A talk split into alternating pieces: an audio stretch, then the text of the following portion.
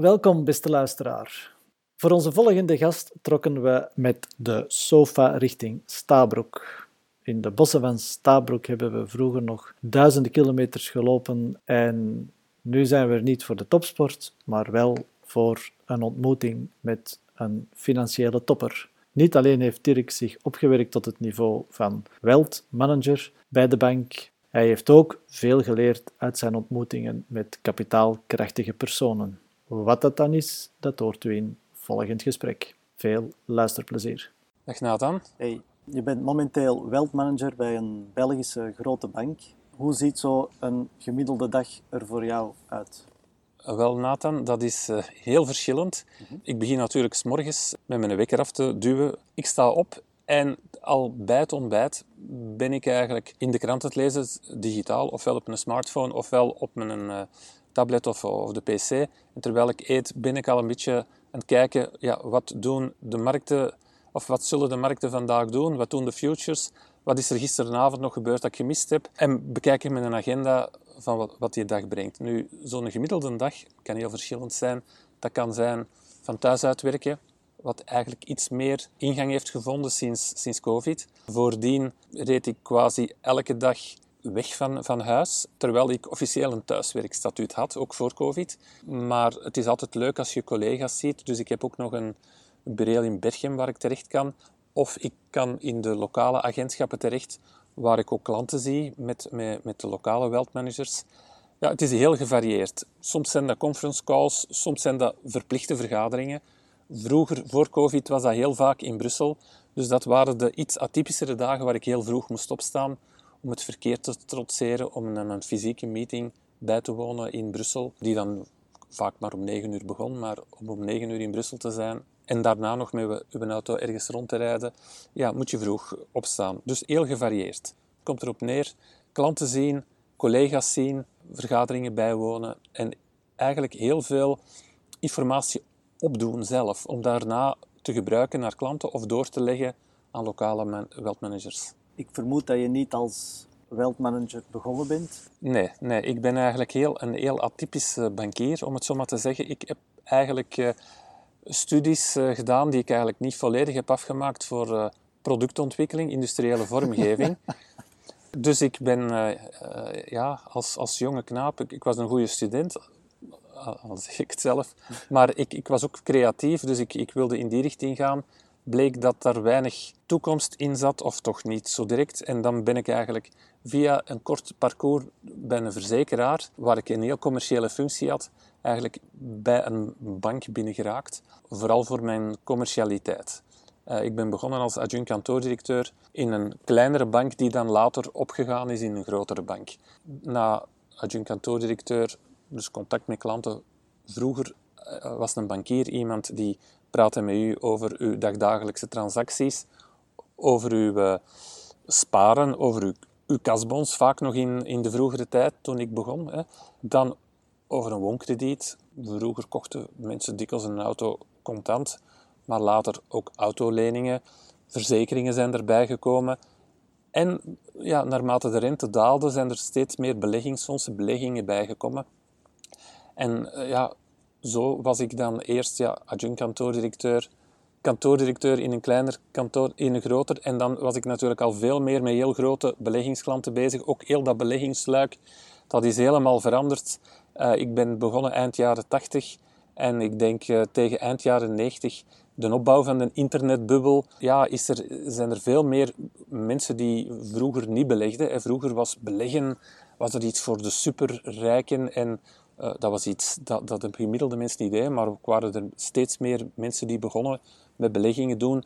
En zo ben ik dan uiteindelijk, uh, ja, met een tussenpoze nog van regenmanagers, ja, omdat mijn specialisatie echt lag in, in het bedienen van heel grote klanten, speciale dossiers, ben ik dan vanuit private doorgegroeid naar, naar wealth management. Het is te zeggen, uh, we hebben eigenlijk wealth management gecreëerd vanuit de private, want wealth management bestond eigenlijk binnen onze bank oorspronkelijk niet.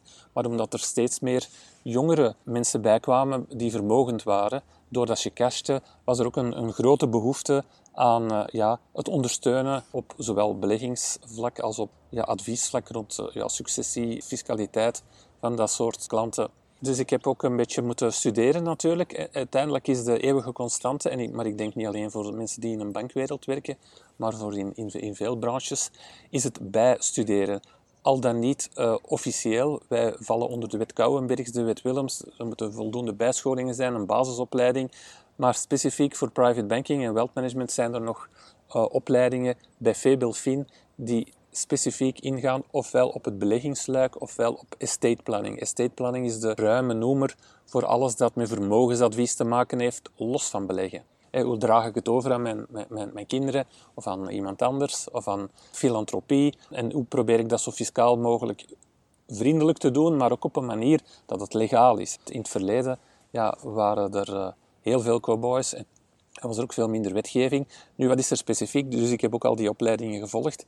Maar sinds een jaar of vijf, zes, de tijd gaat snel natuurlijk, is er de wet op de financiële planning, waardoor ik zelf als wealth manager die adviezen rond estate planning niet meer mag geven. Wij mogen enkel alleen nog op punctuele vragen antwoorden. Wat wil dat zeggen? Je hebt iets opgevangen, een burgerlijke maatschap bijvoorbeeld. En je vraagt aan mij, ja, Dirk, zeg, wat is nu een burgerlijke maatschap? Dat mag, mag, ik uitleggen aan u. En wat de voor- en de nadelen van een burgerlijke maatschap zijn. Maar ik mag niet adviseren dat de burgerlijke maatschap hetgeen is dat jij nodig hebt. Wij hebben in de bank wel een aparte afdeling, Wealth Analysis and Planning, kort gezegd WAP. Dat is een term die ze bij veel banken hanteren, WAP. Dat, dat is kort en krachtig. En die mensen, die, daar zitten ook mensen met dezelfde opleiding, dikwijls met een juridische achtergrond, die daar alleen mee bezig zijn en die mogen die adviezen wel geven. Dus onze, mijn klanten hebben wel toegang tot die adviezen, maar niet meer via mij, omdat het beleggen en het adviseren over vermogensplanning strikt gescheiden moet zijn volgens de wetgeving. En dat hebben we danken aan een, een kleine speler die heel vaak in het nieuws geweest is, uit het Gentse, die ook appartementen verkocht. Dus het uh, fiscaal-juridische luik uh, is er nog bij. Wij detecteren de behoeften eigenlijk bij de klant en schakelen dan een, een, collega in. Was het altijd jouw ambitie om dit parcours te volgen dan? Ik moet eerlijk zijn, nee. Ik ben heel ambitieus, maar ik heb eigenlijk misschien niet altijd heel ver op voorhand het overzicht gehouden. Dus ik ben begonnen, ik deed mijn job graag, ik werk graag met mensen, uh, met klanten. Ik probeer ook altijd, ja, iedereen is zoals hem is, de beste te zijn, maar op een gezonde manier. Dus, dus naar de klant toe de beste zijn betekent dat de klant achteraf vindt dat, dat, dat hem goed geholpen is. Hè. Dus, en als je dat doet, kun je natuurlijk groeien. En dan, dan ga, ga ik altijd wel een stapje hoger kijken. Dat is effectief zo. Maar ik heb eigenlijk nooit, misschien spijtig of niet, maar het leven is zoals het is. Uh, ik heb eigenlijk nooit van in het begin heel ver vooruit gekeken. Mhm. Want ja, dan, dan plant je en misschien had ik dan in een heel andere positie nu gestaan. Of ik daar meer gelukkig of minder gelukkig zou geweest zijn, dat is natuurlijk moeilijk te zeggen. Kan je dan bijna tegenovergestelde zeggen dat je erin gerold bent, telkens? Ik ben er telkens voor een stuk ingerold. Ik heb natuurlijk wel vaak gesolliciteerd voor functies als, als de opportuniteit zich voordeed. Maar um, ik heb uh, eigenlijk nooit echt heel strategisch ver vooruit gekeken. En ik heb nu uh, recent ondervonden dat, dat dat ook de reden is waardoor ik ja, ook, ook het maximale bereikt heb binnen, binnen de bank. Omdat eens we een stap verder gaan, dan word je werkgever. En daar wordt, ja, er is een bepaalde selectie en een traject voor, waarvoor ik nu te oud ben. En vind je dat jammer? Dank ervan af. Als je het louter vanuit de ambitie bekijkt, wel, maar ik denk dat mijn job uitdagend genoeg is het leuke van, van de job die ik doe, ofwel zie ik klanten zelf, ofwel begeleid ik lokale wealth managers. En het zijn altijd heel belangrijke dossiers waar we moeten, ja, moeten scoren. Voor hetzelfde geld mis je het, want wij zijn meestal niet de enige die uh, aan zet zijn. Dus meestal zitten wij, als er een, een klant enkele miljoenen casht, als dat echt hele grote bedragen zijn, wordt er sowieso gespreid. En, en uh, wij moeten ja, knokken om mee te delen in het, uh, in het, het, het, advies rond het, de vermogen, het vermogen van de klant. Hè. Hm. Het zijn de, de grote, kleinere klanten die vaak wel volledig bij ons zitten, maar, maar klanten met 50, 100 miljoen of meer, die, die spreiden sowieso hun vermogen en, en die, uh, ja, die schrijven geen aanbesteding uit. Maar het komt er toch ongeveer op neer. Die gaan zich informeren en degene die, die hen het beste gevoel geven, het beste aanbod doen, die, uh, daar gaan ze mee in zee. Ja, dus het is elke keer een, eh, elke keer een nieuwe uitdaging. Ja. En welke vaardigheden heb jij bij jezelf ontwikkeld om eh, in te spelen op dat goed gevoel van de klant of op dat, dat beste voorstel te kunnen leveren? Ik ben zelf een, een hele kritische klant. Eh, Dus ik weet, denk ik, wat, wat, wat een kritische klant wil. Gelukkig zijn er dan veel klanten die minder kritisch zijn als ik zelf. Dus ik probeer altijd het beste voorstel af te leveren. Maar ik probeer vooral om dat te kunnen doen. En het allerbelangrijkste dat veel mensen vergeten. En hier in een podcast is het natuurlijk moeilijk om dat uit eh, te leggen, want hier ben ik natuurlijk aan het woord. Maar in een goed gesprek is eigenlijk de klant aan het woord. En dat denk ik dat een grote vaardigheid is. Voelen wat de klant wil. En dat doe je natuurlijk door te luisteren, maar ook te voelen. En, en, en vragen te stellen, bijvragen, klant op zijn gemak te brengen. De klant dingen te laten zeggen die hij misschien van in het begin niet wou zeggen. Want soms zijn dat de factoren die van belang zijn in zijn beslissing. Hè? Eh, en als je die niet hebt gehoord, kun je daar natuurlijk niet op anticiperen. Dus het is vooral ja, ge- geduld hebben, de klant op zijn gemak stellen en, en zoveel mogelijk informatie winnen. En dan proberen ja, daar een oplossing aan te bieden, een goed voorstel te doen aan een voordelig tarief. En gelukkig in het wealth management eh, zijn dat geen, altijd geen vaste tarieven. Ik, ik moet ook heel vaak negociëren met de bank zelf om, om eh, ja, de klant tegemoet te komen. Maar dat kun, allee, ik bedoel, on- onze organisatie is zodanig opgebouwd dat dat ook mogelijk is. Ben je dan een soort van chameleon? Ik ben wel iemand die verschillende patches moet dragen. Eh, dat klopt. Positieve zin denk ik wel dat ik een chameleon ben, maar ik denk, en dat is heel belangrijk, naar elk type klant, maar ook naar elk type mens. Je moet eigenlijk eh, heel eerlijk proberen te zijn en jezelf. Je moet, je, ja, wij moeten de klant eh, bedienen, wij moeten de klant eigenlijk verrassen, want eigenlijk de grootste truc om succes te hebben is dat je altijd meer levert dan dat de klant vraagt. Eh, je moet altijd proberen te verrassen. En, en dat is de kunst om aan te voelen wanneer verras ik de klant. Niet dat dat altijd lukt, maar het is toch een beetje het streefdoel van regelmatig de klant te verrassen. En, en dat is een beetje ja, de kunst, maar is dat, ja, dat is chameleon. Hè? Want alle klanten zijn verschillend. Dus wij werken ook vanuit de persoonlijkheid van de klant, zijn behoeften. Naar beleggingsadvies ga ik zelfs iets eh, meer vertellen, eh, want dat is natuurlijk ook heel strikt gereglementeerd. Maar eerst en vooral luisteren wij vooral. Je komt dus dagelijks in contact met personen die dat wel serieuze kapitalen hebben vergaard of overgeërfd. Wat valt je op? dat heel vaak rijk worden niet het doel was. Heel veel mensen zijn meestal heel gepassioneerd met iets bezig, zijn ook intelligent met iets bezig, beseffen dan op een bepaald moment wel dat ze een beetje goud in hand hebben. En eh, vroeger, bij de oudere generatie, merken we dan wel dat die bleven verder doen en bleven verder doen. En dat die dan op den duur een beetje stereotyp problemen met hun vrouw kregen, omdat ze te veel met hun werk bezig waren. Bij de jongere generatie, eh, ondanks dat die niet gericht zijn op, op, op rijk worden, ontdekken die dan wel dat ze op, op, een, ja, op iets zitten dat waarde heeft. En heel vaak proberen die dan tussendoor al eens te cashen, zodanig dat ze toch een beetje van het leven kunnen genieten, zonder evenwel te stoppen. En dat, dat valt mij op. Maar, maar echt de rode draad is, de meeste mensen, zeker als ze met iets starten en ze worden daar rijk mee, hadden niet de bedoeling om daar rijk mee te worden. Eens ze gecashed hebben en ze weten hoe dat allemaal werkt en ze gaan dan terug een investering doen, komen ze vaak tot bij de bank om daar te beleggen. Willen ze ook veel minder risico's nemen. Eh, zien ze ook de risico's veel meer, want ze hebben nooit gezien welke risico's ze zelf genomen hebben. Hè. Zij hebben zelf veel meer risico's genomen, maar ze zijn zich er nooit van bewust geweest. En ze hebben dat ook nooit zo aangevoeld. Maar vanaf dat ze dat door iemand anders laten doen, zien ze dat veel meer. Maar die mensen stappen daarna dikwijls terug nog, nog in iets. En dan hebben zij natuurlijk wel de intentie om van... eh, Ofwel geloven ze terug in iets, hè, dat ze echt fantastisch vinden, technologie of weet ik wat. Ofwel hebben ze wel de intentie om dan het vermogen te laten groeien. Maar bij aanvang, wat bij mij altijd opvalt, is dat die mensen er niet mee bezig zijn geweest. Ga ik hier nu heel rijk van worden? Ze wouden wel succesvol zijn. En, en vaak houdt het dan in dat ze daar ja, een vermogen mee opbouwen. Is het ook niet soms gevaarlijk om altijd gewoon je passie te volgen? de meest succesvolle mensen volgen wel hun passie, maar kennen toch ook hun beperkingen. en laten zich dan omringen door mensen die dan andere talenten hebben dan zichzelf.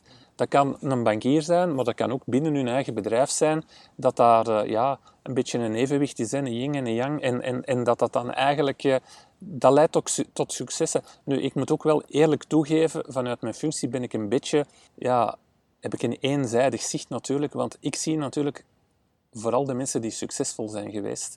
En ik ga ervan uit dat er, zeker als er grote risico's genomen zijn, dat al de mensen die niet geslaagd zijn, ja, dat ik die niet zie. Maar ik durf wel zeggen, ik heb mensen die mislukt zijn en daarna geslaagd. Ja. En die, toen ze mislukten, heb ik ze niet gezien. Ja. Maar die daarna toch, het is niet zo uh, het is minder de gewoonte in, in Europa dan, dan in de Verenigde Staten. Uh, daar, daar zijn er veel die met vallen en opstaan uiteindelijk toch nog iets bereiken. Maar, maar in, we hebben een, een, beetje minder die cultuur. Maar ook bij ons zijn er mensen die eigenlijk uh, niet onmiddellijk succes hebben, maar na lang zwoegen en, en soms na een mislukking toch nog tot het succes komen met hun bedrijf. Maar zij zien dat dan vaak niet als een financieel succes, maar het slagen in hun opzet. We hebben het toch gedaan. Ja, de survivorship bias noemt dat. Tijdens de Tweede Wereldoorlog gingen ze kijken bij de vliegtuigen die dat terugkwamen, um, waar dat die geraakt waren, om die plaatsen te versterken. Ja. Maar toen zei er een uh, statisticus, je moet gaan kijken naar de vliegtuigen die neergestort zijn, waar dat het is misgelopen eigenlijk. Inderdaad. Maar die lagen dan in vijandelijk gebied. dat was maar moeilijker. dat was maar moeilijker. Um, welke adviezen geef je naar je klanten toe het meeste zo? Ja, ik ga even een kleine intro geven op advies. Hè? Want uiteindelijk, adviezen die wij geven zijn altijd gebaseerd op, een, uh, op kennis en ervaring van een klant. Dat is een, een, een, een wetgeving onder MIFID 2 dat, dat komt van Europa. Moeten wij eerst zien over welke producten de klant kennis en ervaring heeft. En als, dat, als de klant vooraf zegt, ja, maar ik ken nog weinig, ik heb nog weinig ervaring, kunnen wij hem ook de nodige informatie bezorgen en achteraf volgt er een kort testje om te zien of de klant uh, de kennis en de ervaring begrepen heeft en uh, of, of de ervaring geuit heeft en de kennis uh, begrepen heeft. En nadien is er ook nog een vragenlijst om te zien wat het een horizon is, wat het risicoprofiel is van een klant. Eens dat dat bepaald is, gaan wij altijd rekening houden met dat profiel. Dus alles wat ik nu ga zeggen, houd altijd rekening mee dat we aan een klant vertellen alleen over de zaken die bij hem passen. Probeer ik toch te zeggen tegen klanten in het huidige renteklimaat, uh, een spaarrekening brengt niks, quasi niks op, kasbons brengt ook niks op, uh, om toch alleszins te beleggen in iets dat aandelen gerelateerd is, vastgoed gerelateerd is via fondsen. Altijd op het niveau van de klant. Als de klant zegt, ik heb weinig tijd, maar ik heb wel een horizon, dan neemt hij iets dat heel, heel goed verpakt is en waardoor dat hij er weinig omziens naar heeft. En als de klant zegt, ja, ik heb een groot vermogen, dan moet dat natuurlijk onmiddellijk belegd worden, vaak ook in stukken, in markten die onzeker zijn. Maar andere klanten die uh, hebben nog geen groot vermogen, maar hebben een heel groot inkomen en beleggen frequent. Dus wat, het advies wat, wat, wij het meeste moeten geven, is eigenlijk doe iets. Want als je niks doet, verlies je geld. Zonder in producten te vervallen, maar wat wij als, als wealth en private banker natuurlijk vooral doen, is portefeuilles vermogensbeheer. Dat zijn portefeuilles die voor u beheerd worden door een beheerder en waar dan altijd verslag uitgebracht wordt. En die portefeuilles houden rekening met uw kennis en uw ervaring, uw behoeftes, uw horizon. En dat is het, het, het, eh, het advies dat wij het meeste formuleren vanuit mijn functie. Maar als u met een klein vermogen belegt, kan u datzelfde ook doen via fondsen de doorslag hè, dat we moeten geven, is niet product verkopen, maar is zeggen, doe iets. Want als je niks doet met een grote, grote inflatie, lage rente, dan gaat je geld achteruit in waarde. Ja. En dat is eigenlijk ja, een heel belangrijk gegeven. Dus de slogan van een bekend schoenenmerk hangt boven uw bureau. En dat merk is, of de slogan is... De slogan is Just Do It. Just Do It, ah ja, inderdaad. Dat klopt je mag nog zo'n grote specialist zijn, want, want als, ja, als je in de branche zit, zoals ik zelf en mijn collega's, dan, dan heb je natuurlijk vaak meer kennis dan, dan je klanten. Is dat een eigenschap dat iedereen heeft? Hè? Je moet daar op letten, hè? want wanneer stappen mensen het makkelijkste in de markten? Dat is als alles heel goed gaat en alles heel duur is. En wanneer is het eigenlijk het interessantste om in te stappen? Als het slecht gaat en alles heel goedkoop is. Hè? Want de winst begint bij uw aankoop. Wij moeten altijd mensen laten instappen, want, want, want als, het, als het binnen een jaar pas ideaal zou zijn, wij geen glazen bol. De, het enige wat wij kunnen verklaren, als, er, als je iemand anders tegenkomt die zegt dat het anders is, eigenlijk, er zijn heel veel charlatans. Hè. Wij, wij zijn geen eh, Madame Soleils. Wij kunnen alleen vertellen en verklaren wat er momenteel gebeurt in de markten. Wij kunnen ons mening geven van wat er misschien gaat gebeuren, maar de toekomst voorspellen kunnen wij niet. Wij kunnen wel uh, adviezen geven en uh, de dingen zodanig aanpakken dat het risico heel, heel goed gespreid is, maar, maar wij geen glazen bol. En mensen die zeggen dat ze dat wel hebben, dat bestaat niet. Hoe zie je de evolutie van de cryptomunten? Ik zelf heb geen cryptomunten. Oké, okay. dat was uh, mijn, mijn volgende. Hoeveel bitcoins bezit je ondertussen? Ik heb zelf geen uh, cryptomunten. Als bank geloven wij ook niet in cryptomunten. Ik weet dat er sommige grotere spelers op de markt, omdat het fenomeen zo lang blijft aanhouden, denken, ondanks dat ze er ook niet in geloven, van toch iets te moeten aanbieden met cryptomunten. Iets dat verpakt is. Ja, bedoel, als de klanten of de mensen cryptomunten blijven kopen, ja, vroeg of laat springen er toch spelers op die er ook niet zelf in geloven. Maar ik denk, ik weet niet of dat je de geschiedenis kent, ik kan niet de juiste eeuwen zeggen, maar enkele eeuwen geleden... De tulpen. De tulpenbollen. Uh, de Turkse tulpenbollen die dan eh, in, in Nederland verhandeld werden. En op een bepaald moment kon je het schijnt voor één tulpenbol een huis op de aan de Amsterdamse gracht te kopen. En dat, dat is ook ingevallen. Natuurlijk had dat ook te maken met een bepaalde ziekte van die eh, tulpenbollen. Cryptomunten, wij geloven heel sterk in de technologie, de datamining. Alhoewel dat er op het gebied van, uh, van sustainability natuurlijk ook wel vragen over kunnen gesteld worden, want er is gigantisch veel energie nodig om, om te dataminen. Laat energie nu juist door de, door de oorlog in Oekraïne momenteel een heel hot issue zijn. Maar wij geloven in de, de versleutelings, de technologie. En, en, en misschien is dat wel een technologie die centrale banken kunnen gebruiken op termijn. Maar in de waarde aan zich, ja, dat is wat er uh, een beetje plat uitgedrukt, wat de zotter wil vergeven. Hè. Uh, maar wat, wat niet wegneemt dat daar mensen daadwerkelijk al veel mee gewonnen of verloren hebben. Hè. Hoe zie je jezelf nog verder evolueren? Wel, ik, eh, ik eh, ben momenteel 57, dus ik heb nog wel eh, iets te gaan. Ik ben nu ongeveer twee jaar bezig met wealth management. Wij zijn twee jaar bezig met wealth management, dus er is nog, nog veel werk aan de winkel. Dus eigenlijk is, is, is het de bedoeling dat ik in, in mijn werkgebied, dus Noordoost, Antwerpen, Limburg en, en Vlaams-Brabant, dat ik er daarvoor zorg dat de lokale wealth managers een volwaardige portefeuille hebben met wealth klanten. Dat betekent ongeveer een 80 wealth gezinnen per wealth manager. Momenteel zijn er 15 uh, wealth managers die, voor, uh, die ik aanstuur. Momenteel hebben die een beetje een hybride functie. Zij werken als wealth manager en als private banker. Dus de bedoeling is eigenlijk om vooral nog het wealth segment verder uit te bouwen. En de kennis verder uit te dragen, maar ook nog kennis te vergaren, want het atypische is, vroeger kon je zeggen, dat is iemand met een lange staat van dienst, die heeft heel veel kennis en die gaat alleen uitdragen. Maar in de huidige wereld is het ook nog altijd vooral veel kennis vergaren, omdat eigenlijk uh, hetgeen dat er vroeger op, uh, op 30 jaar wijzigde, dat wijzigt er nu op drie jaar hè, of, op, of, op drie maanden. Hè. Wat dat betreft kennis vergaren, ik heb de voorbije weken samen met mijn dochter het vak fiscaal recht gevolgd. Ja. Die fiscaliteit is toch ook wel... Uh het een en het ander, moet ik zeggen. Fiscaal, is, is, fiscaliteit is, is echt heel extreem moeilijk. Wij werken daar ook vaak samen of uh, op doorverwijs naar, naar grote bureaus die gespecialiseerd zijn. Natuurlijk de basis waar de, de meeste mensen mee geconfronteerd worden, die is ook al complex, maar die, die, die valt nog mee, die hebben we wel in huis. Maar wat bij ons heel vaak uh, ook voorkomt, is natuurlijk uh, internationaal uh, fiscaal recht. En, en, en dat wordt natuurlijk heel, een heel moeilijke zaak. Maar we hebben altijd wel de juiste personen waar we kunnen naar, uh, naar doorverwijzen. Maar soms is het heel gespecialiseerd. Hè. Ja, en, en, bij ons is er natuurlijk met mondjesmaat uh, heel vaak nieuwe informatie. Terwijl als je studeert, ja, moet je nog, nog, nog heel het basispakket meenemen. Ook. En, en, dan, en bij ons zit altijd een klein beetje erbij terug. Hè. Ja, waardoor dat, dat eigenlijk best meevalt. En het is ook als je alleen in de materie geïnteresseerd bent, dat is een beetje mijn voordeel, omdat je er straks sprak van chameleon. Ik ben ook wel in heel veel dingen geïnteresseerd. Ja. Echt geïnteresseerd. En dat is ook het voordeel naar mijn klanten toe, want die zijn allemaal succesvol geweest in iets, iets verschillend. En, en als je geluk hebt, en meestal is dat ook zo, kunnen die het ook wel heel interessant vertellen over hun materie. Dus, dus ik ben eigenlijk van nature, ik kan gemakkelijk iets capteren als ik zelf iets moet bijstuderen voor mijn vakgebied, maar ik kan ook vaak iets capteren van, van andere domeinen, vooral als het, als het heel ja, beklijvend wordt verteld.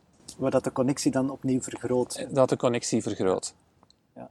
En dat is ook echt zo. Dus ik moet, ja, als iemand iets leuk en goed kan vertellen, dat vind ik altijd interessant.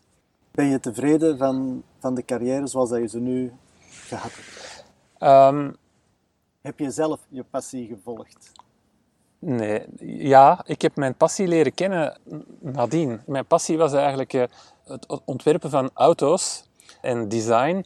En ik heb, ben eigenlijk in de bankwereld gerold en dan is de bankwereld mijn passie geworden. En heb ik eigenlijk, als je, als je zo eens filosofeert over wat had ik anders kunnen doen? Ja, had ik misschien van in het begin meer een studierichting gekozen die daar ondersteunend aan was, dan had ik misschien, als ik het louter carrièrematig bekijk, theoretisch, had ik misschien verder gestaan. Maar de vraag is, ja, wat is verder staan? Hè? Uh, dus ik ben eigenlijk, alle gekheid op een stokje, wel tevreden van mijn carrière. Ga je die auto nog ontwerpen? Ik heb al auto's ontworpen, hè, maar die rijden niet rond. Maar dat is al wel even geleden. Ik heb er momenteel geen tijd meer voor. Maar ik heb vaak uh, auto's getekend, maar ook ontworpen en aan wedstrijden meegedaan. Maar dat is al, al, al 30 jaar geleden. Al 30 jaar geleden. Een uh, versie van de 2 pk dan? Of zo. Nee, dat was er niet bij. Ik heb wel een, een kever, een, een bepaalde kever uh, getekend. Heb je nog een laatste advies voor de luisteraar? Een laatste advies zou voor mij zijn: volg uw passie maar kijk toch af en toe achterom en probeer je te omringen door mensen die alle dingen kunnen die je zelf niet kunt. En probeer ook te genieten van je leven. Natuurlijk, als je je passie volgt, is er voor jou wel heel veel genieten bij. Hè? Maar als je dan in een gezin zit, ja, probeer dan ook af en toe daaraan te denken. Ja, oké. Bedankt voor dit gesprek. Ik vond het ook heel aangenaam. We hebben elkaar lang niet gezien. Het was echt lekker genieten in het zonnetje.